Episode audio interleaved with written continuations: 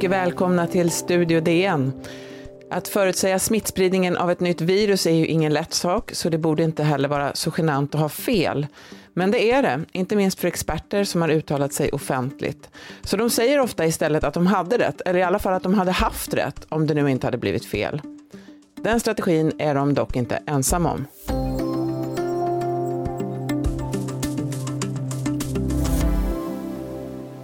Det är förstås en väsentlig skillnad. Det är det. Men eh, det är ju definitivt inte så att vi försökt dölja någonting. Det är inte så att det här har påverkat eh, några beslut och sånt som vi har tagit. Ja, statsepidemiologen Anders Tegnell, hur blev det egentligen och varför stämde siffrorna inte? Men istället för att säga jag hade fel så har vi alla en tendens att linda in eller kanske bortförklara våra eh, misslyckade eh, förutsägelser.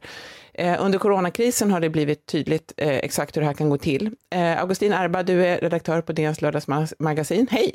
Hallå, hallå. Du har ju skrivit, eh, en, eh, skrivit om det här i en spännande text som utgår från en bok av den prisbelönta amerikanska författaren och journalisten Catherine Schultz. Hon ägnade fem år åt att grubbla över hur vi, hur vi reagerar när vi kommer på att vi har fel. Och så har hon skrivit en bok som heter Being Wrong, Adventures in the Margin of Error. Och hon visar då vilka strategier vi använder oss av. Eh, olika prognoser över olika händelseförlopp, de är ju jättesvåra att göra, men om man vänder på det, liksom, när, har vi, när, vi har, när har vi oftast rätt i våra prognoser? Ehm, ja, men Katrin Schultz hon har ju lutat sig mot en hel del forskning, för det finns faktiskt en del experiment som är gjorda Ehm, jag tror att vi alla känner ju till de här eh, historierna om, om ekonomer som, som föruts, försöker förutspå börsen eh, och så har man eh, låtit dem tävla med en apa som kastar pil till exempel. Det här är ju en klassiker. Eh, och så har det visat sig att apan, att det har gått ungefär lika bra för apan som, som för de här eh, spetsekonomerna och hedgefondförvaltarna som tar 2 av, av, av de pengar vi sätter in. Ehm, och det man, det man kan säga är då att den här forskningen som, som, som funderar på så här, hur tar man reda på om folk har haft fel eller inte och om de har haft rätt eller inte, den visar att när, folk, när tillvaron fortsätter ungefär som den har gjort tidigare, då, är det ganska, då, är, då, är, då har folk lättare att få rätt. Um, det är lite grann som vädret tycker jag är liksom det klassiska, klassiska exemplet. Uh, om jag inte minns fel så är det liksom 85 procent sannolikhet att vädret imorgon är likadant som idag. Vilket innebär att om jag till exempel skulle få frågan av dig, så vad blir det för väder imorgon? Så skulle jag kunna säga ungefär som idag och då ha rätt eh, nästan alla dagar. Eh, så. Men ibland skulle jag göra fel. Eh, och de här felen, eh, det är ju egentligen de som är intressanta och det var det som var intressant med den här forskningen som Katrin Schultz har tittat på. Eh, och vad de har gjort då är att de har tagit ett antal prognosmakare och också experter och bett dem och ställt frågor till dem. och sen har man återvänt till de här frågorna flera år efteråt för att se, ja men hur blev det? Och hur tycker de själva att de lyckades förutspå framtiden? Eh, och då visar det sig en massa roliga saker. För det första så visar det sig att alla i princip var helt värdelösa på att förutspå de här jätteviktiga händelserna. Ta till exempel eh, Sovjetunionens fall. Eh, det var det ju ingen som förutspådde eh, att muren skulle falla och att Sovjetunionen skulle, skulle gå under, vilket ju naturligtvis är en enorm händelse som påverkar eh, alltså hela världsekonomin. Eh, och det var de jättedåliga på. Eh, och sen var det den andra saken som var lite rolig, det var att folk hade otroligt svårt att, att erkänna att de hade haft fel. Så att även om det så att säga var till och med om det fanns i skriftlig form deras förutsägelse och det var uppenbart för, för, för alla andra att, att att det var fel, så hade de ändå någon slags liksom förklaring eh, för att man skulle slippa slippa behöva säga att man hade fel. Och Det är ju till exempel här då, och det här var ett av de exempel som jag tog in i, i min artikel här. Eh, vi hörde ju Anders Tegnell, här, statsepidemiologen, eh, berätta om, om hur det hade gått med, med några siffror som, som Folkhälsomyndigheten inte hade fått till eh, och, och vården och skyddandet av de äldre. Och, och där, där använder han, vilket han också gör återkommande tycker jag, det här försvaret då som Catherine Schultz nämner, det vill säga jag hade egentligen rätt Eh, men sen inträffade något oväntat som gjorde att jag fick fel. Men det låter ju som en ganska vanlig och ganska så trygg strategi. Det kan man ju alltid säga att någonting har hänt, eller hur? Det måste ja, exakt. Vara. Precis, det, det är det som är så roligt. Så, att, så, att, så att, och då, lyckas, då försöker man liksom få det till att jag hade egentligen rätt, men, men sen blev det fel, men det var inte mitt fel. Vilket ju är liksom hela poängen med att förutspå någonting är ju att man ska liksom väga in alla möjligheter. Um, jag menar, um, att, att säga, uh, ta till exempel Riksbankens prognos, ehm, den den, alla de prognoser som har gjorts då från de senaste två åren skulle jag gissa är totalt fel eh, utifrån hur det nu kommer bli med corona. Eftersom eh, BNP krymper och, och eh, liksom folk blir arbetslösa och så vidare.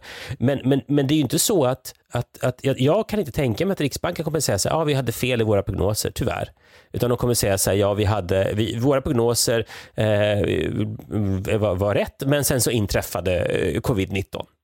Precis, antingen så säger man då att ja, men det där hände. Eh, det finns ju andra strategier, man kan ju också säga så att ni har inte förstått riktigt vad jag menar, eh, för att ni förstår inte den här informationen som jag har. Liksom. Och sen så kan man också säga att om, om ni inte är idioter så är ni elaka. Det skriver du också ja. om. att Det, det är ju liksom nästa steg, att ni fattar men ni vill bara jävlas. Eh, ja, nej men, och det, där, det finns ju flera exempel på det. Det här med att säga att folk inte, att jag har rätt eh, och ni fattar inte, det är därför ni inte fattar att jag har rätt. Det där känner man ju igen till exempel när det gäller siffrorna. Och jag tror att vi, vi, vi kommer återkomma till det lite senare, men, men eh, när det gäller siffran och dödstalen, då får vi ju hela tiden höra här i Sverige säga att ja, men våra dödstal kan verka höga, men det beror bara på att vi räknar så himla bra. Eh, och det här, vi räknar så himla bra. Vilken Går man till vilken tidning som helst, höll jag på att säga, i, den, i, liksom, i världen, så säger ju alla länder säger att ja, men våra siffror är de bästa siffrorna. Och I Ryssland använder man precis motsatt argument, för där har de ju jätte där har de ju misstänkt låga siffror, säger vi det som är från Sverige och som inte kan acceptera att, att de kanske har låga siffror. Eh, nu vet vi inte hur det är med det. Men i Ryssland så säger man så här, ja men våra låga siffror, de stämmer, för vi har de absolut bästa siffrorna. Man kan också använda eh, eh ett sista argumentet här, att man kan säga att jag hade fel nu, men man skjuter liksom upp det här, jag kommer få rätt senare. Så här sa till exempel Johan Giesecke. Vänta med att jämföra dödsfall, åtminstone ett år. Då kan vi se om det är stora skillnader mellan länderna. Varför gör vi det här då? Vi ska prata mer om det strax.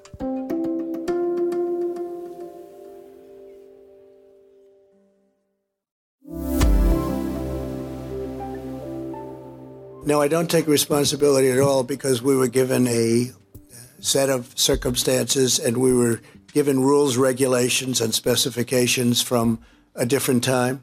Uh, wasn't meant for this kind of uh, an event uh, with the kind of numbers that we're talking about? Ja, man kan använda olika strategier när man inte vill erkänna att man har fel.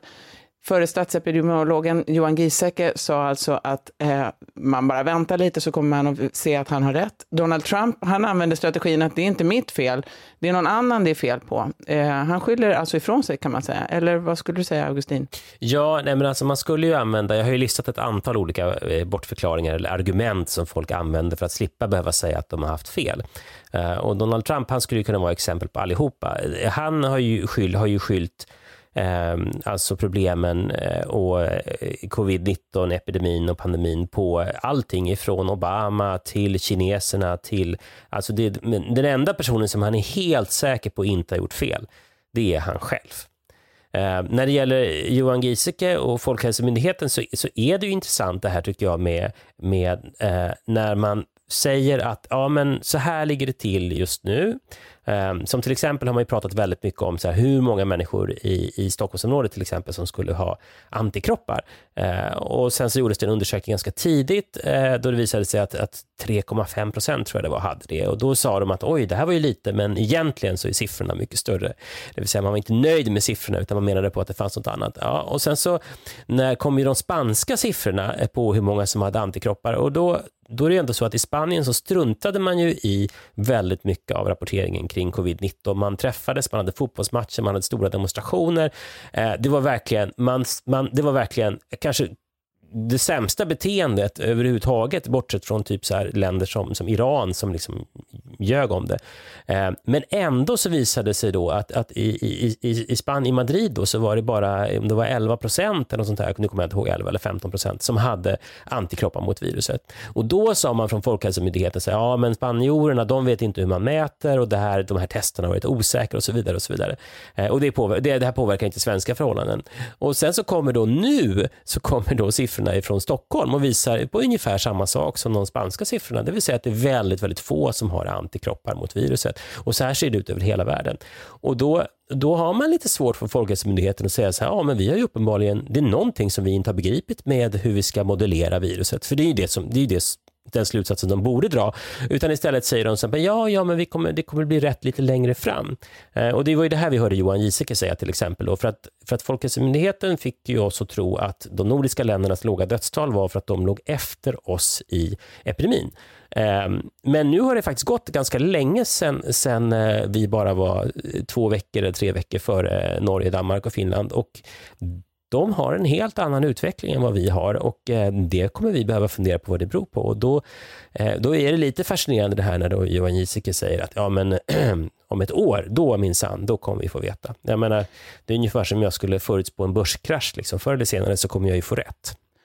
Ja, just det. det men det är ju, finns ju någonting, det är ju en sak när det kommer från kanske offentliga myndighetspersoner, det är man, och folk som gör offentliga uttalanden, så här, men det här är ju någonting som finns hos oss alla. Eh, man har ju liksom en tendens att man vill helst inte Eh, inte heller att de man umgås med ska ha fel, för att man vill ju gärna omge sig med folk med gott omdöme. Eh, det finns ju också andra som resonerar lite grann i samma banor, tänker jag, att vi liksom vi fattar ofta ganska intuitiva beslut och sen rationaliserar vi dem i efterhand.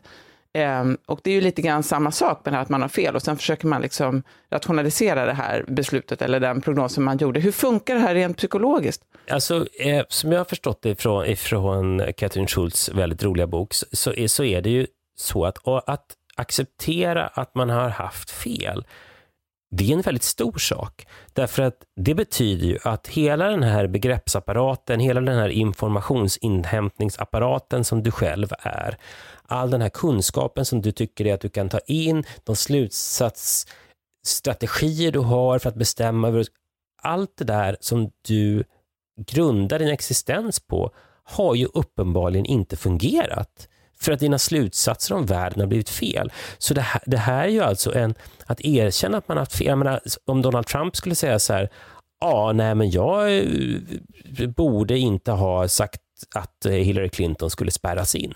Alltså, för att han ska kunna säga en sån sak, då måste, ju, då måste han ju då är det inte bara, han kan ju inte bara ändra på den saken. Det är ju som en, liksom en dominoeffekt av liksom en, existentiell, en djup existentiell förändring. Och Det är därför som vi liksom till varje pris försöker då undvika att, att behöva göra den här stora omställningen i vårt inre, utan istället hellre säger så här, jo men jag hade, jag hade visserligen fel nu, men jag kommer få rätt senare. Eller som de här 22 forskarna som skrev den här debattartikeln på Dagens Nyheter. Eh, de eh, lutade sig mot, mot, mot, felaktiga siffror, eh, eller i alla fall inte precisa siffror. Och sen när de blev, när man, någon, någon påtalade det för dem, eh, då valde de ju strategin att säga så här, jo visst, absolut, de där siffrorna, men, men det var ju principen, det vill säga, jag har, det spelar ingen roll att jag har fel, för jag har rätt i alla fall. Eh, så att det, det, det är liksom alla de här sätten för att, just för att för att inte behöva konfronteras med, med det väldigt otäcka, nämligen att mina system för att förstå världen är inte fullständiga. Men vi, när ingenting står på spel för oss, när inte vår egen självbild står på spel, då tycker vi ju jättemycket om att bli överraskade om man ser på film eller om man läser en bok eller om man har någonting fiktivt, att man liksom eh, en deckare till exempel, man tror hela tiden att oh, men det måste vara på det här sättet. Sen visar det sig att det är något på ett helt annat sätt. Vi älskar ju det. Ja, ja. Det, det är bara, men, men, men det, här, och det här handlar ju om just att, att, att då är det ju en lek. Eh, då är det ju en lek, då är det inte vår... Då, det, det, är ju ingen som, om det var, om en deckare, om det skulle vara examen på en deckare, då kanske det inte skulle vara lika roligt. Nej. Okej, avslutningsvis då, av de här strategierna, Augustin, vilken eh, eh brukar du eh, mest använda själv?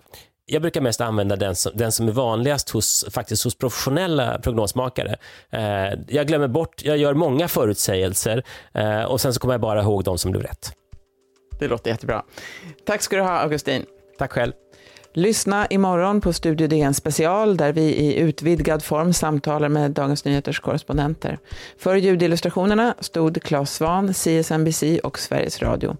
Studio DN görs av producent Sabina Marmulakai, exekutiv producent Augustin Erba, ljudtekniker Patrik Miesenberger och teknik Jonas Lindskov Bauer Media. Jag heter Sanna Thorén Björling. Vi hörs!